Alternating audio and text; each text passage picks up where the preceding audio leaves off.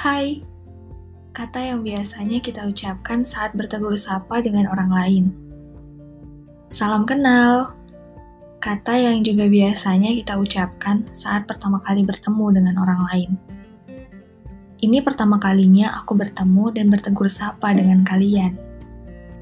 Salam kenal ya untuk kalian.